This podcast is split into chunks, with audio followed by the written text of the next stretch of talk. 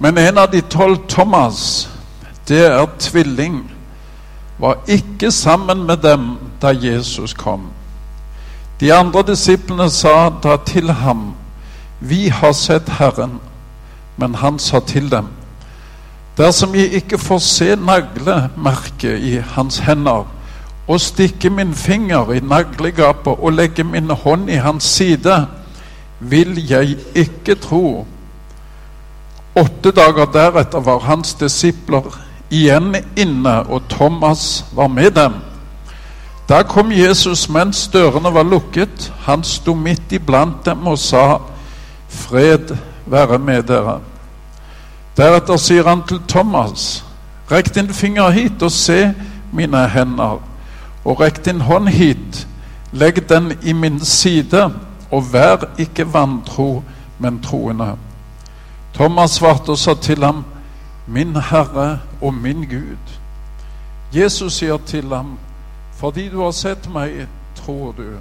Salig er de som ikke ser, og likevel tror.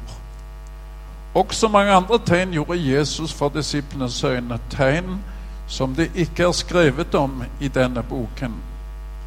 Men disse er skrevet for at dere skal tro at Jesus er Messias, Guds sønn, og for at dere ved troen skal ha liv i Hans navn.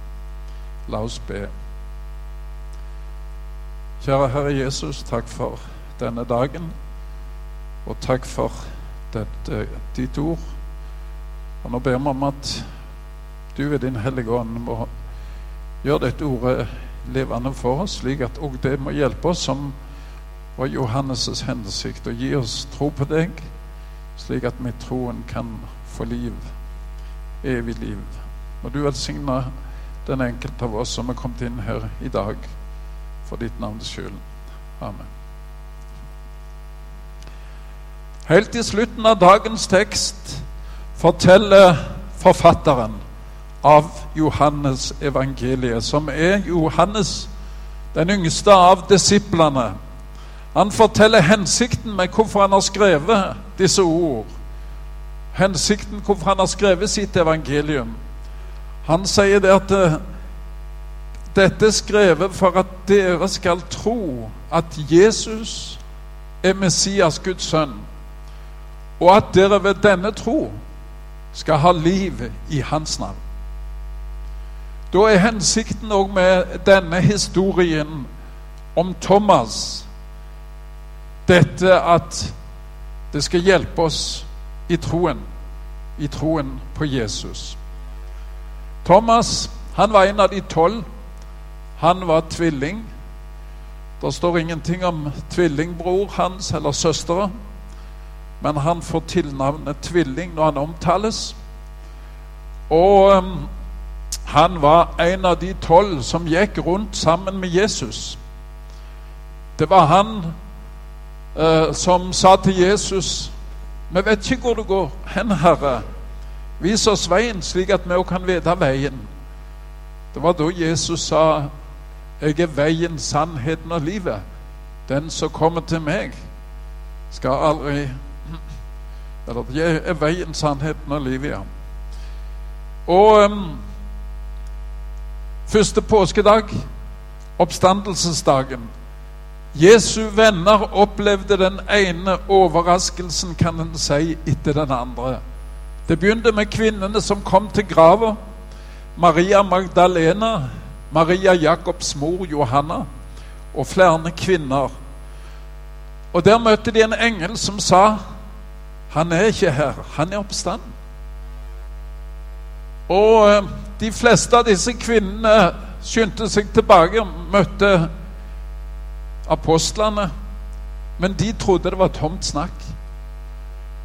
Og um, Peter og Johannes de sprang tilbake til grava. Og der gikk de inn og fant linklærne. De fant ikke Jesu legeme. De fant bare linklærne som lå der. Maria Magdalena hun var med i den første gruppa, men hun ble igjen, og de andre gikk. Og det var hun som møtte Jesus som den første, som møtte han i person etter oppstandelsen. Men seinere på dagen så var det to av disiplene som gikk til Emaus. Og der ble de møtt av denne personen som gjorde som om han ikke visste hva som hadde skjedd i Jerusalem. Eller han, han var ikke sjokkert som de andre, som begynte å forklare dem at det som har skjedd, det er jo bare det som Skriften har sagt. At det Messias, han måtte lide og dø. Og da de om kvelden gikk inn og skulle ha måltid, så oppdagte de det er jo Jesus. Det er jo han. Og enda seinere samme kveld, når disse fremme hadde kommet tilbake og fortalt denne eh, opplevelsen, så kommer Jesus og står midt iblant dem og sier 'Fred være med dere'. Det var en som ikke opplevde noe av dette. Som ikke var der når kvinnene kom tilbake. Som ikke hørte disse som var på vei til Emmaus, som sa at de hadde møtt han, og det var denne Thomas. Han hadde ikke del i begeistringen av Jesu oppstandelse. Hans hjerte forble kaldt. Når jeg leste denne historien, så kom jeg på en lignende historie fra Det gamle testamentet, da eh, gamle Jakob fikk beskjed om at Josef, han er i live. Han er i Egypt, og han er i live. Så står det han trodde det ikke. Hans hjerte var og ble kaldt. Og sånn var det òg med Thomas. Han ville ikke tro. Eller han klarte ikke tro. Og ikke bare det. Han hadde satt en betingelse for å tro. I vers 25 leser vi at uh, da de andre disiplene sa 'Vi har sett Herren', så sier Thomas hvis jeg ikke kan få stikke fingeren inn i naglegrabbene i hans hender og stikke min hånd i hans side, så vil jeg ikke tro på dette. Det var jo litt av et krav å komme med. Tenk om alle hadde kommet med et sånt et krav. Da hadde Paulus vært den siste som hadde trodd på Jesus. For Paulus sier i Korinterbrevet at han har blitt sett av forskjellige folk etter oppstandelsen, og den siste som så han var meg, sa Paulus. Det var ingen flere som så han i fysisk forstand. Så det var litt av et krav Thomas hadde. Jeg husker når vi var ungdommer, så var det en som talte som heter Vindskjei, som fortalte om en ungdom som hadde sagt til Gud Jeg kan godt, og jeg vil gjerne tro på deg, men da må du la det falle en metorstein fra himmelen på veien framfor meg. Hvis det skjer, så skal jeg tro. Og det hadde ikke skjedd til den tid. Og en annen sa Jeg ba og fasta ei hel natt og sa til Gud Nå har du sjansen. Hvis deg, svar meg, og jeg skal tro på deg. Og det ser vi i Skriften. Det var flere som satte betingelser for å tro. Det var to menn eh, som det står om i Lukas 16. Lasarus og den rike mann, står det. Og de hadde to helt forskjellige innstillinger til liv og forskjellig tro, slik at etter døden så havna den rike mann i dødsriket, og Lasarus havna der som det står i Abrahams fang. Og den rike, han pyntes og ropte 'Send Lasarus' for å dyppe fingeren, slik at tunga mi kan få få, få leska seg med litt vann fra Lasarus' finger. Men så fikk han beskjed om det at nei, det går ikke. Det er helt umulig. Og når den rike hørte det, så sa han ja, men send han, jeg har fem brødre. Kan ikke du sende Lasarus og fortelle hvordan dette her er? Så sier Abraham de har jo Moses og profetene. De kan jo lese om dette i Guds ord. Og da sier den rike nei, far Abraham. Men hvis det kommer noen fra de døde, Da kommer de til tro. Da vil de omvende seg. Men, men Abraham sa nei. Hvis de ikke vil tro vitnesbyrdet til Moses og profetene, så kommer de heller ikke til tro om noen står opp fra de døde. Og det så vi klart et par helger siden når vi hadde teksten om, om eh, Jesus vekte opp Lasarus. Det var mange der som ikke trodde de ble forherda. Og de som ikke ville tro, de ville til og med prøve å drepe Lasarus, drepe vitnet. For de ville ikke høre om dette.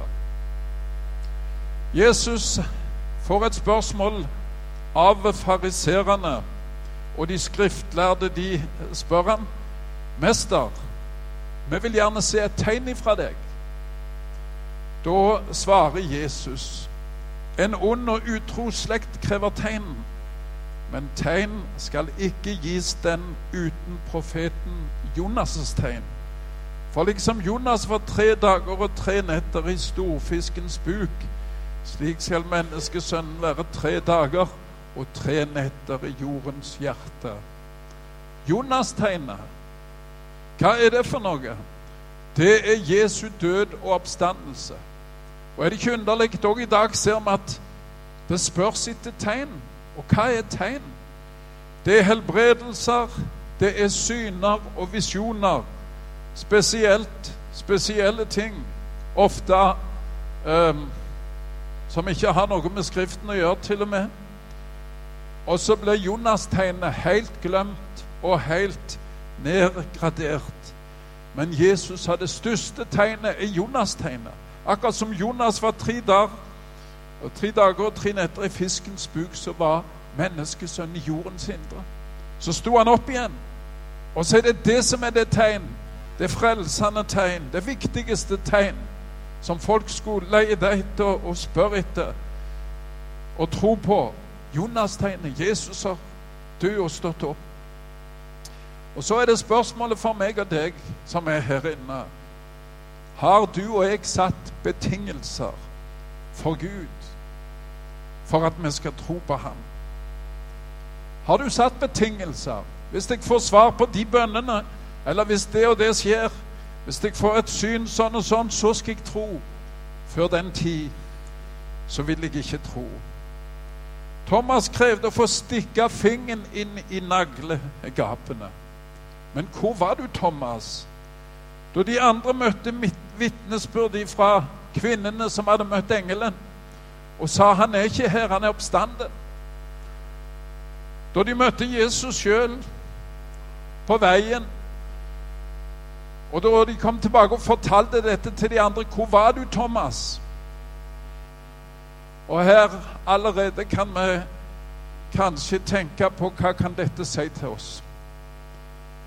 Og det kan iallfall si det at hvis vi vil oppleve det som Gud gjør, så må vi søke øyenvitnene. Vi må ikke holde oss vekke ifra øyenvitnene. Er et ord ifra første Peters brev som kom for meg når jeg arbeider med dette. Første Peter 1, 16. Der sier Peter Nei, andre Peter 1, 16 skal det være, så det er feil, men det er min feil. Det var ikke det var ikke kløktig uttenkte eventyr vi fulgte, sa Peter, da vi kunngjør dere vår Herre Jesu Kristi makt og gjenkomst men vi hadde vært øyenvitner til hans storhet. Den som vil tro, han må forhøre seg hos øyenvitnene. De som så, og som var der når det skjedde. Og de har skrevet det ned her i Det nye testamentet, hva som skjedde etter de møtte Jesus etter oppstandelsen. Her har vi øyenvitneskildring. Og den som vil tro han må søke fellesskap med Guds folk. Han kan ikke leve i periferien eller for seg sjøl. Han må søke undervisning, forkynnelse. Eller, Thomas, så går du glipp av det som Jesus gjør. Gå ikke der med din tvil og gå vekk, men vær der som Guds folk samles, og der Guds ord åpnes, og der Guds ord blir forkynt. Og hvorfor trodde du ikke, Thomas? Du så Lasarus som sto opp fra de døde. Du visste at det, oppstandelsen fra de døde er en realitet. Og så har du hørt øyenvitneskildringene fra kvinnene, fra Peter og Johannes og fra de andre. Og du kjenner Peter og Johannes og vet at det er ikke slike som farer rundt med tomt snakk. Du burde trodd på vitnesbyrdet, Thomas. La meg tilføye her at av og til så gir Gud overnaturlige tegn. Vi hører i disse dager fra Midtøsten vi hører muslimer som blir frelst på tross av stor trengsel. Vi hører at Jesus kommer til dem i drømmer og i syner. Av og til hører vi om helbredelser, store helbredelser. Men det som blir feil, det er når det settes som en betingelse for å tro. Og det var det Thomas gjorde. Han satte det som en betingelse. Hvis ikke jeg får gjøre akkurat sånn, og hvis ikke akkurat det og det skjer, så vil jeg ikke tro. Og så kommer teksten i dag, åtte dager seinere, fra Johannes kapittel 20. Og der er de igjen samla. Heldigvis så holdt Thomas seg der hos sine venner, de som hadde vitnesbyrde. Og så er Thomas til stede, heldigvis. Og der står Jesus midt iblant dem. Og den første ser det ut for han tenker på, er Thomas. Han hilser fred være med dere. Og så sier han det kommer Thomas, kom med fingeren din. Kom her, Thomas, og stikk fingeren i naglegapene. Kom an, Thomas. Ta hånda di i sida mi, og vær ikke vantro, men troende. Vantro, det er en alvorlig sak. Og Thomas hadde begynt på vantroens vei. Men heldigvis så viste Jesus seg slik at Thomas kunne si, 'Å, min Herre og min Gud, nå ser jeg det sjøl. Nå forstår jeg at det er sant, og nå forstår jeg at han er stått opp igjen, jeg òg, på tross av at jeg var vantroende. Men når en leser denne teksten, så kan en ikke unngå å se at det var noen som Jesus lovpriste, og det var de andre han sa. Salige de som ikke ser, men allikevel tror. Salige de som ikke ser. De som ikke har hatt de svære opplevelsene, og de som ikke har fått stukket fingeren inn i mesterens sår eller andre store, spesielle, spektakulære opplevelser. Salige de som tror, som ikke ser, men allikevel tror. Og jeg tror at det sitter mange sånne i denne forsamlingen i formiddag. Du har ikke hatt de spektakulære opplevelsene. Kanskje du ikke har opplevd heller noen, noen store helbredelser. Kanskje heller motsatt. Det har vært traurig, og det har vært vanskelig, men allikevel så tror du. Så har du holdt fast på Jesu ord. Og så har du holdt fast på fakta om Han. For du trodde vitnene her ifra Bibelen. Du har trodd at det øyenvitnene sa, det stemte. Du kjente Gud kalte og drog, og ordet ramma deg i samvittigheten og du avviste det ikke og fikk oppleve at det er nok, det som Jesus gjorde. Det er nok til min frelse. Så fikk du oppleve det som salmisten sier. Han la i min munn en ny sang. En lovsang for vår Gud. Salige de som ikke ser. På tross av de som tror på tross av. Og så er det dette Johannes vil fortelle oss her for at vi skal bli styrka i troen. For denne troen har en fantastisk egenskap i seg. Den gir liv. Ikke bare liv her i verden, men den gir evig liv, denne troen. For en utrolig tro. Vi skal få opp Romerbrevet kapittel 10, vers 6-11. For Paulus skriver òg og liksom stemmer i med Johannes om denne troen. Men rettferdigheten av tro sier, si ikke i ditt hjerte, hvem skal fare opp til himmelen, det vil si for å hente Kristus ned? Eller hvem skal fare ned i avgrunnen, det vil si for å hente Kristus opp fra de døde? Det er ikke det troen sier, at det må hende noe helt utenom vanlige, helt spektakulært. Men hva sier troen? Ordet er deg nær, i din munn og i ditt hjerte. Det er troens ord som vi forkynner. For dersom du med din munn bekjenner at Jesus er Herre, og i ditt hjerte tror at Gud oppreiste han fra de døde, da skal du bli frelst. Med hjertet tror en til rettferdighet, og med munnen bekjenner en til frelse. For Skriften sier, hver den som tror på ham, på Jesus, skal ikke bli til skamme. Halleluja. Den som tror på ham, skal ikke bli til skamme. Jo, han skal bli satt til skamme her i verden, men på dommens dag skal den ikke bli til skamme. Han skal få evig liv av Gud på grunn av tro.